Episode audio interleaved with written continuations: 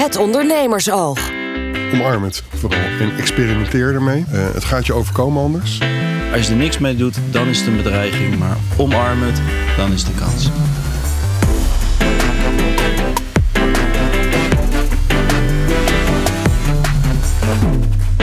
Eén stelling, drie vragen, gesteld aan honderden ondernemers.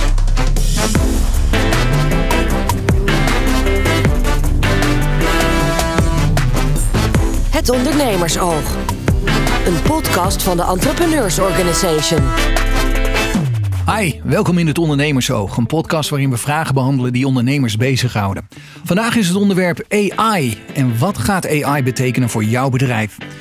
In deze aflevering hoor je hoe ondernemers tegen AI aankijken. Ze delen ervaringen en uh, jij kunt kijken hoe je het in jouw bedrijf kunt toepassen.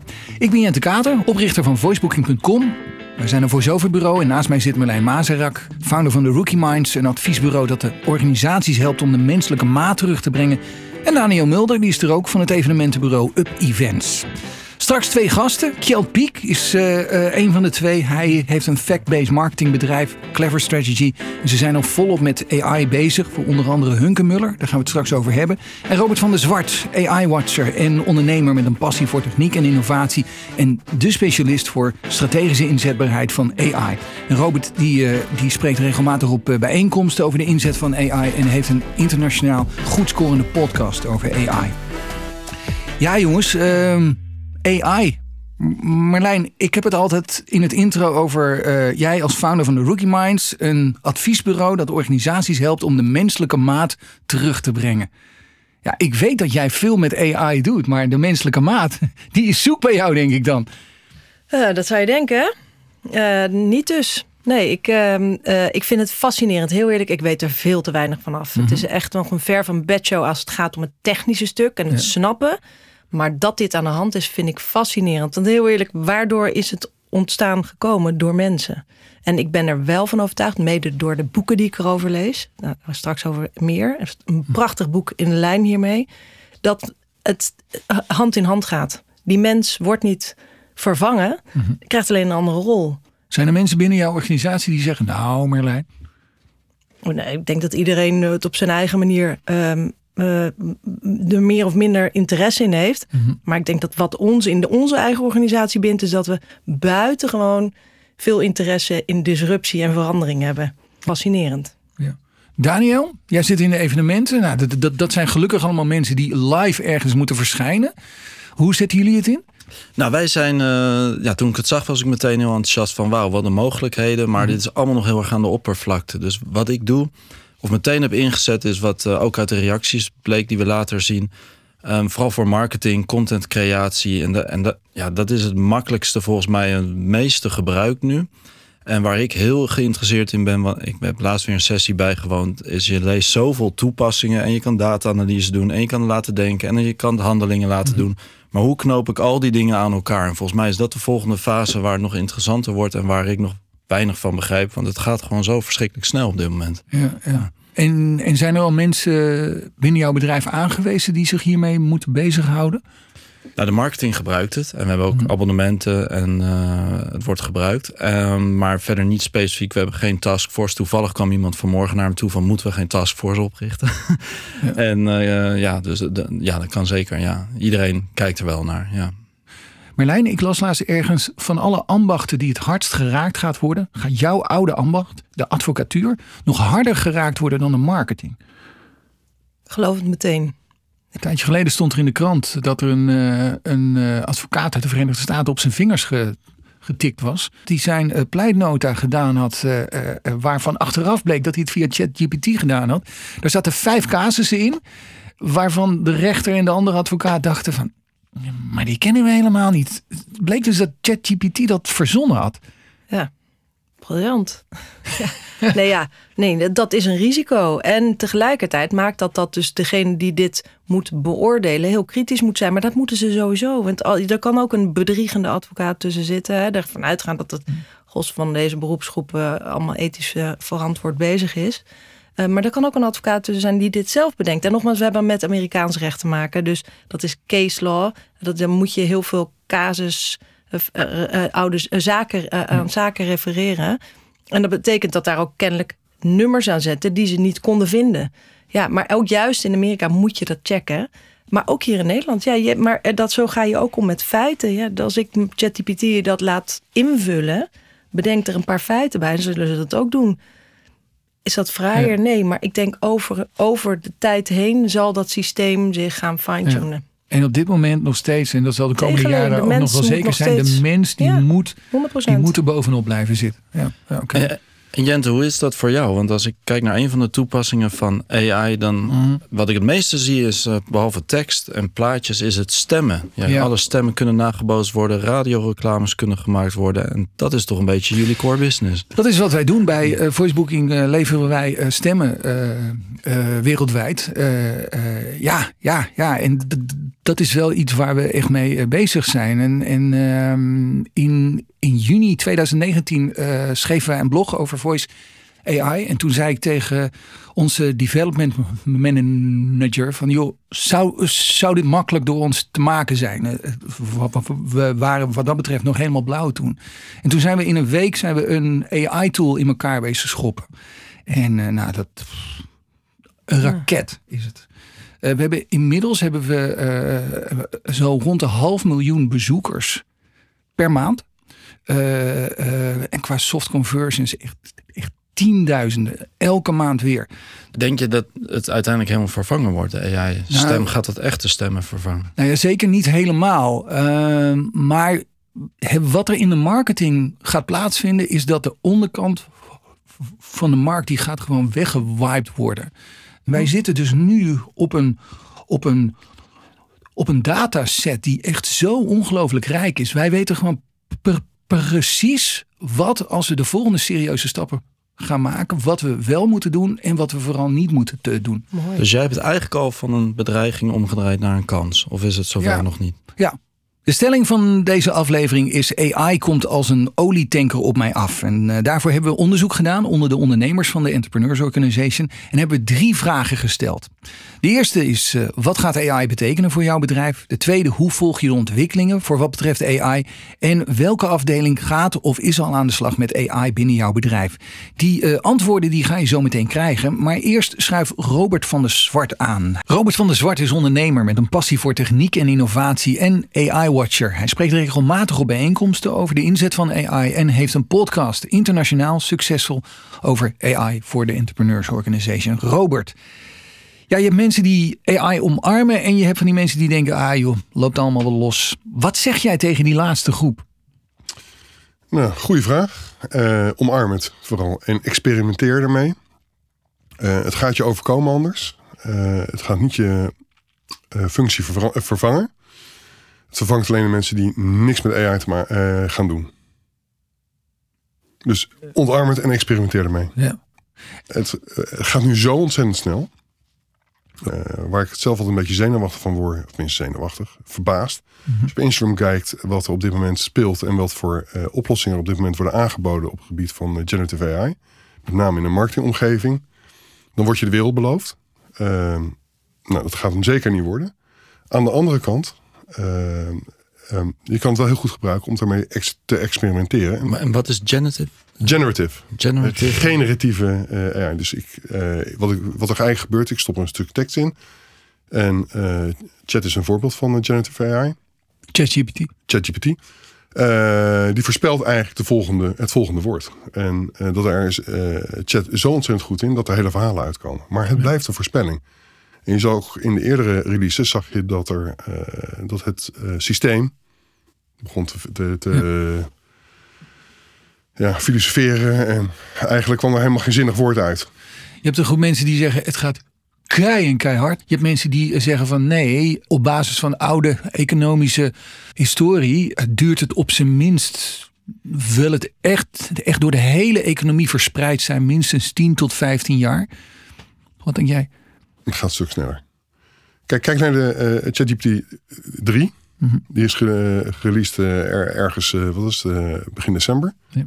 ChatGPT 4, gereleased in maart. Zit vier maanden tussen. En als je kijkt naar de functionaliteit, die is enorm Want wat is het verschil dan precies Het is, gewoon, tussen het drie is en een stuk beter. eh, het is gebaseerd op een grotere dataset. En het kan betere voorspelling doen. Het maakt eh, betere eh, teksten. Ja.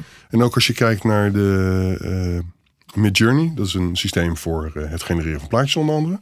Daar zie je echt ook een enorme eh, verbetering. Als je dat vergelijkt ten opzichte van de eerste releases. En, en heb je bijvoorbeeld, kijk, we zeggen nu, dit gaat allemaal komen, het gaat heel snel. En we hebben uit de reacties ook gehoord, ik gebruik een beetje hier, ik gebruik het al een beetje daar. Maar heb je nou echt mensen gesproken die eigenlijk al, al weggevaagd zijn? Of die, die, die eigenlijk al geen baan bijna meer hebben? Of zich hebben moeten aanpassen, anders hadden ze al geen baan meer gehad. Eh, Hoe ver zijn we al? Is het al Nou, gebeurd? Heb je mensen in paniek gesproken? Nee. Nog niet. N- Nee, eh, laat zo zeggen, de paniek is nog niet daar. Ehm, wat ik ook gewoon terugzie, is dat de meeste mensen eh, AI inzetten voor binnen marketingomgeving, binnen Ja. het genereren van content, binnen het genereren van plaatjes, het genereren van films, het genereren van, van scripts. Daar eh, is chat uit, uitermate geschikt voor. Maar er zijn vele andere vormen van kunstmatige intelligentie. Bijvoorbeeld voor analysetechnieken. Eh Kjeld gaat er straks over praten. Maar eh, bijvoorbeeld bij het eh, herkennen van allerlei images. en als je dat koppelt aan robotics, daar kan je hele mooie dingen mee, mee maken. Ja, en je, ziet dat er, ziektes. je ziet een aantal partijen zie je nu op de markt komen die op een wezenlijk andere manier AI inzetten in hun bedrijfsprocessen. Ja. Bijvoorbeeld binnen landbouw. Er is een bekend voorbeeld waarbij AI wordt gebruikt om te bepalen welke aardbei rijp is. En die is gekoppeld aan een robot. En die pikt de eh, juiste aardbei op, stopt in het bakje. Het doel daarvan is, is uiteindelijk dat je een betere opbrengst krijgt. En dat je de juiste aardbeien plukt. En dat je degene die nog rijp zijn, dat je die laat hangen. En degene die overrijp zijn, dat je eruit kiepert. Dus je kan veel efficiënter kan je, je je productieprocessen inzetten. En daar zie je dat AI echt helemaal wordt ingebed in het productieproces. Andere voorbeelden eh, waar AI enorm goed gebruikt kan worden, is binnen de zorg.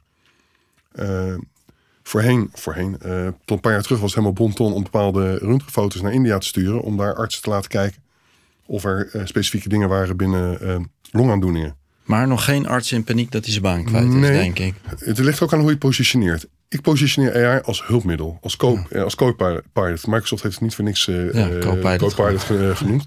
Maar het geldt ook binnen, binnen de artsenij, waarbij je AI-tools als hulpmiddel gebruikt om betere diagnoses te stellen, om uiteindelijk patiënten beter te, Ja. eh, te behandelen. En de kans op fouten, en dat is eigenlijk het eh, verhaal.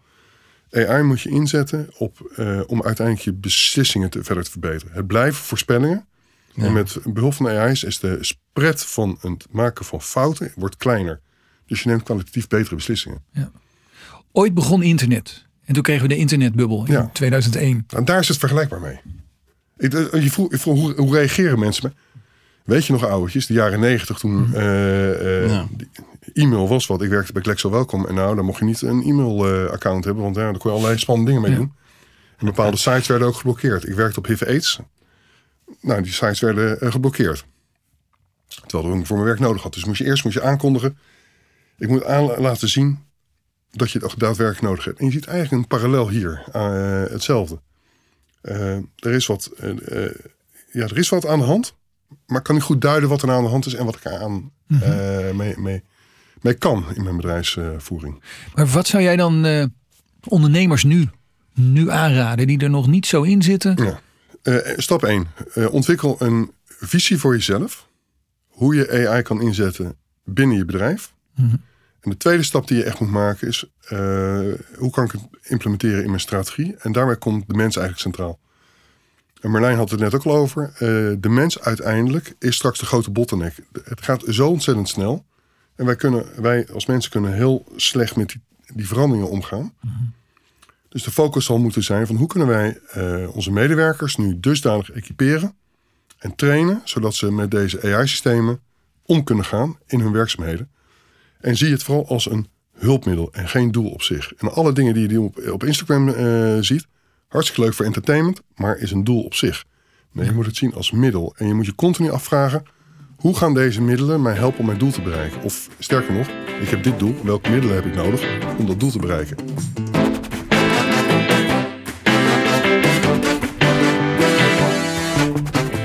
Vraag 1.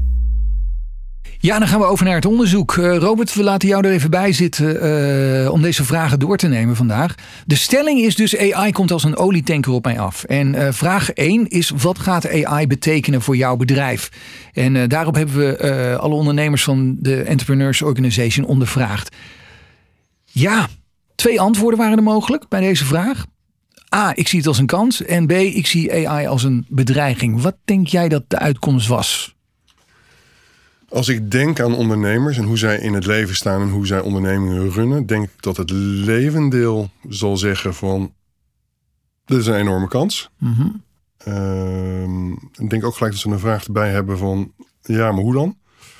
En er zal een kleiner gedeelte zal zeggen van holy, wat is hier aan de hand? Als ik niet oppas, dan ben ik straks mijn bedrijf kwijt. Oké, hoeveel procent denk jij, ik zie het als een kans? 80, 90 procent schat ik in. Ja, dat is uh, zeer netjes wat je zegt. 93 procent. Ja, heel hoog. En dan moet ik erbij zeggen, ik ben ergens halverwege nog eventjes op de groepsapp wezen, wezen zetten. hey, uh, mensen die het als een bedreiging zien, vul alsjeblieft ook even deze survey in. Maar ja, 93 procent. Dit is precies wat Pieter Steenaert zei van Brum Design. Hij zei, als je, als je het niet als een kans ziet, dan ben je eigenlijk geen ondernemer. En het is een bedreiging voor de huidige vorm van werk.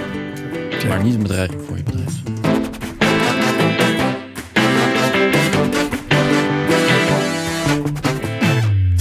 2. Vraag 2. De ontwikkelingen in AI gaan zo snel dat ik als ondernemer. puntje, puntje, puntje. 49%, oftewel de helft van de mensen zegt we houden ogen en oren open. Dat is voor nu genoeg. Is dat genoeg? Het is een start. Laten we, daar, uh, laten we daarmee beginnen. Kijk, op dit moment verschijnt er verschijnen ontzettend veel artikelen op, op LinkedIn en ook whitepapers die door grote adviesbureaus worden uh, geschreven. Uh, ironie van het verhaal is, is dat de experts het eigenlijk ook niet weten. Als je met AI aan de slag wil, definieer dan voor jezelf een bedrijfsprobleem. Een concreet bedrijfsprobleem waar je sowieso al voor staat. En kijk of je daar tools bij kan vinden die je kan helpen om dat probleem op te lossen. 71% van de ondernemers zegt ik lees veel en ik volg webinars. Hoe kan men het het beste volgen dan? Aansluitend wat ik net, uh, net zei. Ja, begin gewoon lees en zorg dat je bijblijft en uh, er zijn, luister naar podcast, uh, kijk op LinkedIn, pak de whitepapers, volg een webinar. En dat kan dus verder gaan dan uh, binnen het gebruik binnen marketing, binnen contentgeneratie. Maar wellicht kan je een ander probleem neerzetten, bijvoorbeeld in het plannen van je productie, van je, van je productie.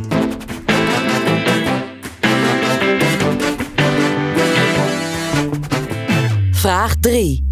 En die is welke afdeling gaat aan de slag of is dat misschien al met AI? 63% zegt, je voelt hem al aankomen waarschijnlijk, marketing. Nou, uit de, uit de toelichting bij de vragen zagen we inderdaad heel veel mensen die uh, marketinggebied en contentcreatie invulden. Job descriptions en softwareontwikkelaars die het al heel veel gebruiken. Ja, development, 45% namelijk. Ja. ja. de mooiste reactie vond ik wat betreft contentcreatie was Olivier Monot van de 360 Experience Group. Ja. Um, hij zei, um, AI, wij, je zingt al liedjes voor ons in. Um, voor, voor de content die zij creëren. Um, een reactie van Pascal van VP Instruments. Hij zei, ja, op marketinggebied gebruiken wij het regelmatig om teksten te schrijven. Net zoals deze enquête, die heb ik volledig laten invullen door AI. en bedankt. Robert van der Zwart, uh, fijn dat je erbij was vandaag. Uh, uh, jij hebt dus een podcast internationaal over AI. Um, Yo Media House. Te vinden op Spotify, Spotify. Apple Podcast, YouTube. Ja. Oké. En daar staan nog meer spannende uh, ondernemersverhalen voor. Uh, Leuk met name de internationale. Leuk dat je er was. Dankjewel.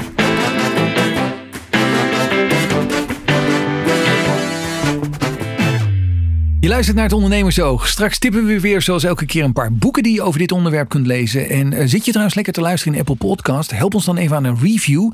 Zit je in YouTube te luisteren? Kan ook. Geef dan een like of in Spotify. Je raadt hem al. Abonneer je dan eventjes op het Ondernemersoog, want dat helpt dan weer. Dank je, dank je, dank je. Ja, ik geef je even de tijd om dat te doen. Ja, dank je wel. Okay. Onze tweede gast is Kjeld Piek. Kjeld is co-founder van een fact-based marketingbedrijf, Clever Strategy. Hij heeft al meerdere succesvolle cases die met AI te maken hebben. Dus dachten we van, hey Kjeld, laten we jou erbij vragen. Uh, welkom Kjeld. Ja, uit ons onderzoek kwam marketing dus als grote winnaar uit de bus. Ja, waar hoor jij vooral ondernemers op aangaan op dit moment in dat marketingvlak? Ja, dat is wel, wel grappig, want gebruik zie je heel vaak terug dat het in contentontwikkeling uh, komt. Maar uh, wat wij heel veel terugzien is dat uh, marketeers geld ruiken. Dus dat, dat ze het met name inzetten om meer omzet te realiseren en conversies te verhogen. Ja. dus dat is wel echt het onderdeel waar wij veel tractie op zien. Ja. Wanneer zijn jullie daarmee begonnen? Ik bedoel, wanneer is het denkproces begonnen?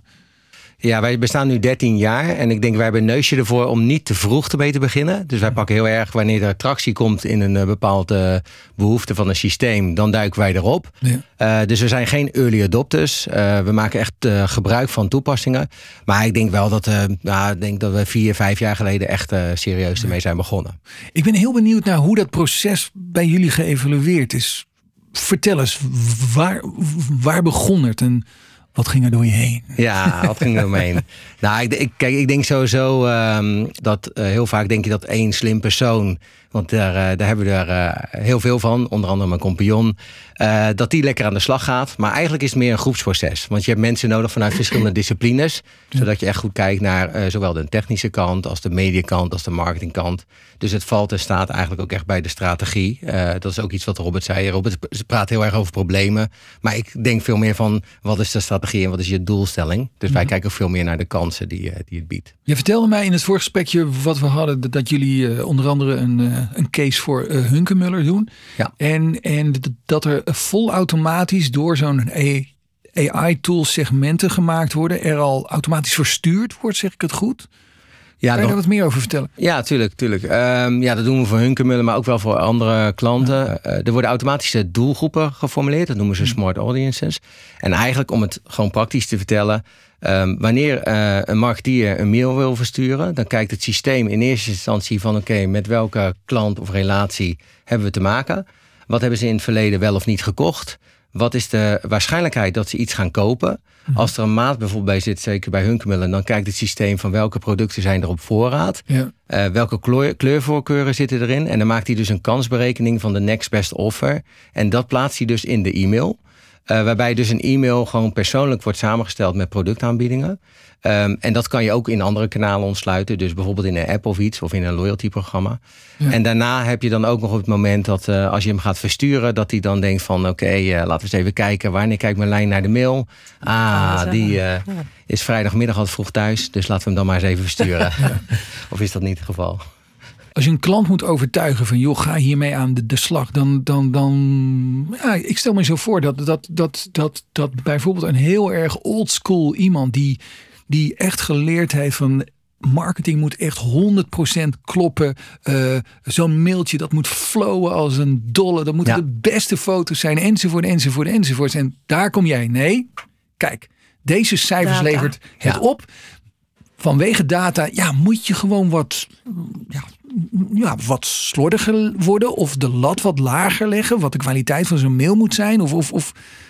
Nou, ik zou niet lager zeggen, ik zou juist meer relevant zijn. Hmm. Dus, dus wat je doet, is je kijkt naar. Ja, maar de eh, kwalitatieve, kwalitatief gezien, is die perfect gemaakte mail um, qua ambacht, qua creatief ambacht, wordt ver, vervangen voor, voor, voor een een data-kwalitatief ambacht. Voor de oplossing van het probleem waar Robert het net over had. Ja, ja. Ja, wij, ja, ik zie het wel anders. Want kijk, wij zeggen eigenlijk het is AI plus HI, dus Human Intelligence. Dus uh, dat, dat zei Robert net ook al. Dus uh, kijk, het is niet of-of. het is en-en. Mhm. Dus je kunt ook een creatieve mail maken wat creatief begint, waarbij de liefde van de art director bijvoorbeeld erin zit. Waarbij ja. Ja, ook echt, ik ook echt passie heb voor het creatieve vak. Maar we zorgen dan met AI-technologie bijvoorbeeld wel dat de juiste aanbiedingen erin staan. En dat bijvoorbeeld ook iemand die heel veel interacteert vaker een nieuwsbrief krijgt of een, uh, ja. bijvoorbeeld een, uh, een, push op, uh, op een mobiel device. Um, en iemand anders erbij spreken minder vaak wordt. dus je maakt, het, je maakt er dingen relevanter en persoonlijker. Ja, ik ben wel benieuwd. Hè? Want je zegt, wij waren geen early adapters, maar je was er toch al vier jaar geleden bij. En ben je daar al mee begonnen. Had je toen al de mensen in huis die de, hier allemaal, dit allemaal snapten? Hier, je, je hebt een nogal brede uh, een grote variëteit aan mensen in huis. En natuurlijk de techneuten heb je. Maar hoe krijg je iedereen in die ontwikkelmodus, innovatiemodus? Ja, ik denk, ik denk een van de aanpakken die wij hebben is... wij laten heel erg mensen die we in ons team hebben zitten... laten we zeg maar zelf kennis opdoen en zelf met de technologie uh, experimenteren. Uh, als learning vind ik dat als ik echt het ondernemingstechnisch bekijk, is dat niet de slimste eh, aanpak. Uh, want je gaat veel trager en je hebt veel minder uh, snel successen. Dus mhm. het enige is HR-technisch, en dat is jouw vak natuurlijk. Je bindt wel mensen voor een lange, lange termijn. Uh, dus dat, uh, uh, ja, bij ons is het heel erg gekomen dat de mensen meer zeg maar, van dit soort technologieën gaan adopteren in hun huidige werk. Hey, um, Kjeld, eventjes iets anders. Jij bent naast de man van Clever Strategy, ben jij president bij ja. de Entrepreneurs Organization. voor mensen die Entrepreneurs Organization niet kennen of nog niet goed goed kennen. Uh, uh, elk jaar kiezen wij een president. Iemand die, die, uh, die deze, deze mooie club weer een stap verder probeert te brengen. Nou, dat, dat, dat heb je echt gedaan. Ik heb jou echt leren kennen afgelopen jaar als de hardest working man in, in business. Met een ja, fantastische positiviteit. dat, dat, dat je er ja, je schouders onder ben wezen zetten. Uh, uh, jij bent ook een van de mensen die ervoor gezorgd heeft dat deze, deze podcast het, het, het levenslicht zag. Dank daarvoor. Joh, eind juni, je jaar zit er bijna op. Kijk eens terug. Um, nou ja, ik, ik weet nog heel goed toen ik de vraag kreeg, toen werd ik erg nerveus ervan. Ik denk van als je deze doelgroep, uh, als je daar voorzitter van mag zijn, uh, ja. dan moet je wel, uh, weet je wel, goed je mannetje staan. 270 ondernemers die, die, die serieuze ja. bedrijven hebben. Ja, dat, ja. Serieuze meningen. En, ehm, nou, en dus, dus, toen dacht ik bij mezelf, ja, dan moet je doen. Want dan ontwikkel je voor jezelf. En ja, ja ik moet zeggen dat ik, ik, ik denk, ik kijk terug op een jaar uh, wat een feestje is. Ik denk dat we qua bestuur echt unieke mensen hebben die, uh, die allemaal vanuit passie en liefde zich inzetten voor, eh, voor de groep. En met name voor persoonlijke ontwikkeling vanuit een veilig klimaat. we hebben alles live kunnen doen.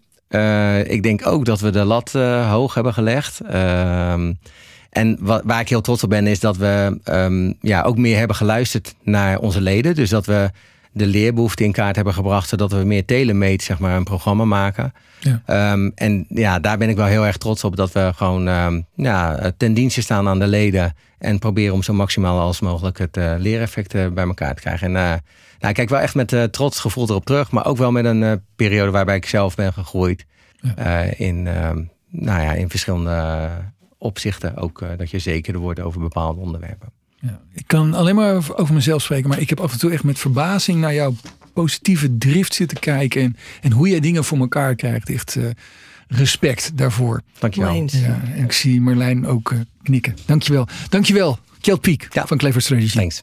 Ja, en zo komen we langzaamaan aan het einde van uh, de podcast. zometeen gaan we nog wat boeken doornemen die jij gelezen hebt en graag aanraadt over AI.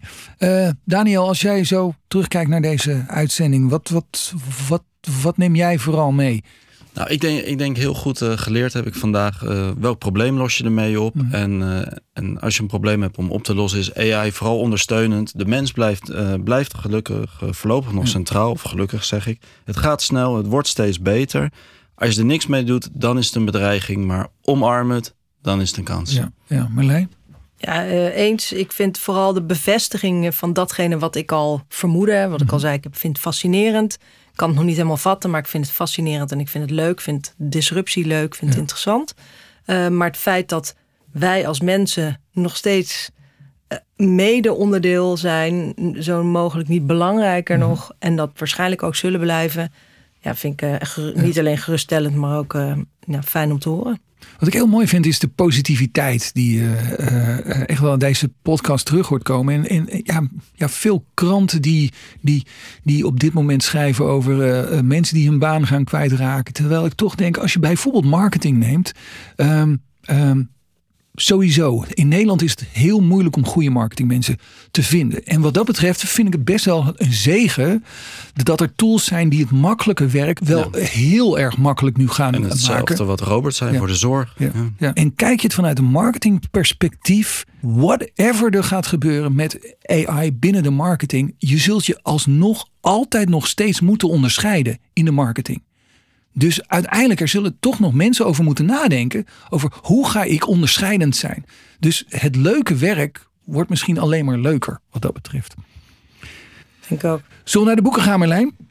Prachtig haakje naar mijn Ja. eerste boek. Ja, en je dus hebt een graag. fantastisch eh, stapeltje boeken meegenomen. Een stapeltje ja. boeken mee. Ja, ja. Eh, en die die- ga je virtueel laten zien? Of, Die eh, ga ik zeker niet virtueel laten Dames en zien. heren, ze, Dit, ze knippen was de boeken zelf vergeten mee te nemen. Hm, nee, dat knippen we er niet uit. Nou, Zodat je de volgende keer niet niks vergeet. vergeten. Volgende keer zal ik de plaatjes door ChatGPT eh, hier op scherm laten Kijk, komen. dat kan ook, ja. Ehm, eerste boek, nou misschien kunnen we dat alsnog doen. Mhm. En jij zei het al, de positiviteit. Nou, Human and Machine, Reimagining Work in the Age of AI. Nou, een boek naar mijn hart, om meerdere redenen. En eigenlijk de belangrijkste boodschap van het boek... is dat de samenwerking en de me- eh, tussen mensen in organisaties en AI-systemen... juist de sleutel is tot succes. Dus dat was boek 1. ja, Eh, waarbij overigens, nee, nog eentje. Als kerst op de taart voor mijzelf is dat ze zeggen: luister, eh, mensen in een organisatie moet je de mindset van levenslang leren stimuleren. Nou, mooi haakje naar het volgende boek. Van een, eh, een, schrijver, een van mijn favoriete auteurs en sprekers, eh, Simon Sinek. ja, die van, Infinite eh, Game. van eh, ehm, Start With Why. Start Ja. With Why, daar is hij bekend mee geworden. Staat hij veel mee op podia. Maar heeft eh, volgens mij, denk zijn laatste, misschien heeft hij inmiddels alweer wat geschreven. De Infinite Game Mhm. geschreven. En daar beschrijft hij eigenlijk het belang van het hebben van een zogenaamde infinite, ofwel oneindige mindset. Versus een, een finite of een, een, een eindige mindset. En met een infinite mindset, daar ligt eigenlijk de focus op continu leren, aanpassen en evalueren. Innovatie innovatiedenken. Het gaat er dus om dat je flexibel bent en je kunt omgaan met veranderingen en kunt anticiperen op onverwachte uitdagingen. En, en als je dat, ja, dus als je dat gaat omarmen en dus ook ziet dat jouw zakelijke omgeving van ons alle drie, als je ziet dat die zakelijke omgeving complex en onvoorspelbaar is en dat het succes voortkomt uit het vermogen om je aan te passen en veerkrachtig te zijn. Als je dat gaat omarmen, dan ga je vliegen. Nou, dus dit waren twee boeken over het belang van omarmen van verandering. En dus een mindset van constant leren. En het laatste boek is dan, ja, en dan? Hoe ga je dan die veranderprocessen, die dus kennelijk een gegeven zijn, hoe ga je die veranderprocessen succesvol in jouw organisatie leiden? Aan de slag. aan de slag. En daar komt een boek. Dat is een oudje alweer. Maar ik heb hem weer uit de kast gehaald. Dat is heel praktisch, heel concreet. Dat is van Leading Change uit 2012 van Kotter. En ehm, nou, dat, dat kan, die, die kan uitkomst bieden, want het geeft je een heel handig acht stappenplan om dat te gaan doen. Waarbij eigenlijk de kernboodschap van het boek is dat eh, je effectieve verandering begint bij het creëren van het gevoel van urgentie en het betrekken van iedereen in je organisatie. Dus weer die mensen centraal. Lekker praktisch boek, vol vo- voorbeelden en tips. En opnieuw een positieve boodschap. Alles is mogelijk. Mooi. De titels van de boeken vind je in de show notes. En dit was dan aflevering 4 van het Ondernemersoog. En de laatste van dit seizoen. In september komen we terug. Eh, we gaan nog even nadenken over wat het onderwerp dan is. Dat eh, ga je in, eh, nou ja, dan horen. Wil je de eerste afleveringen terugluisteren? Dat kan. We hebben er bijvoorbeeld eentje over hoe om te gaan met de krapte op de arbeidsmarkt. Of een andere hoe te reageren in tijden van crisis. Je vindt ze in Apple Podcast, Spotify en op YouTube. En ehm, ja, waar je ook zit te luisteren. Je hebt het einde gehaald. Dus, dus, dus, dus klik even op like, review of eh, abonneer. Dat helpt ons dan weer. Speciale dank aan eh, mijn gasten Kjell Piek en Robert van der Zwart. Eh, vooral ook alle IO'ers die hebben meegewerkt aan het onderzoek. Ook weer dit keer. Dank, dank, dank, dank, dank. Marlijn, Daniel, jullie bedankt. En eh, Ja. Tot na de zomer. na de zomer. Bye.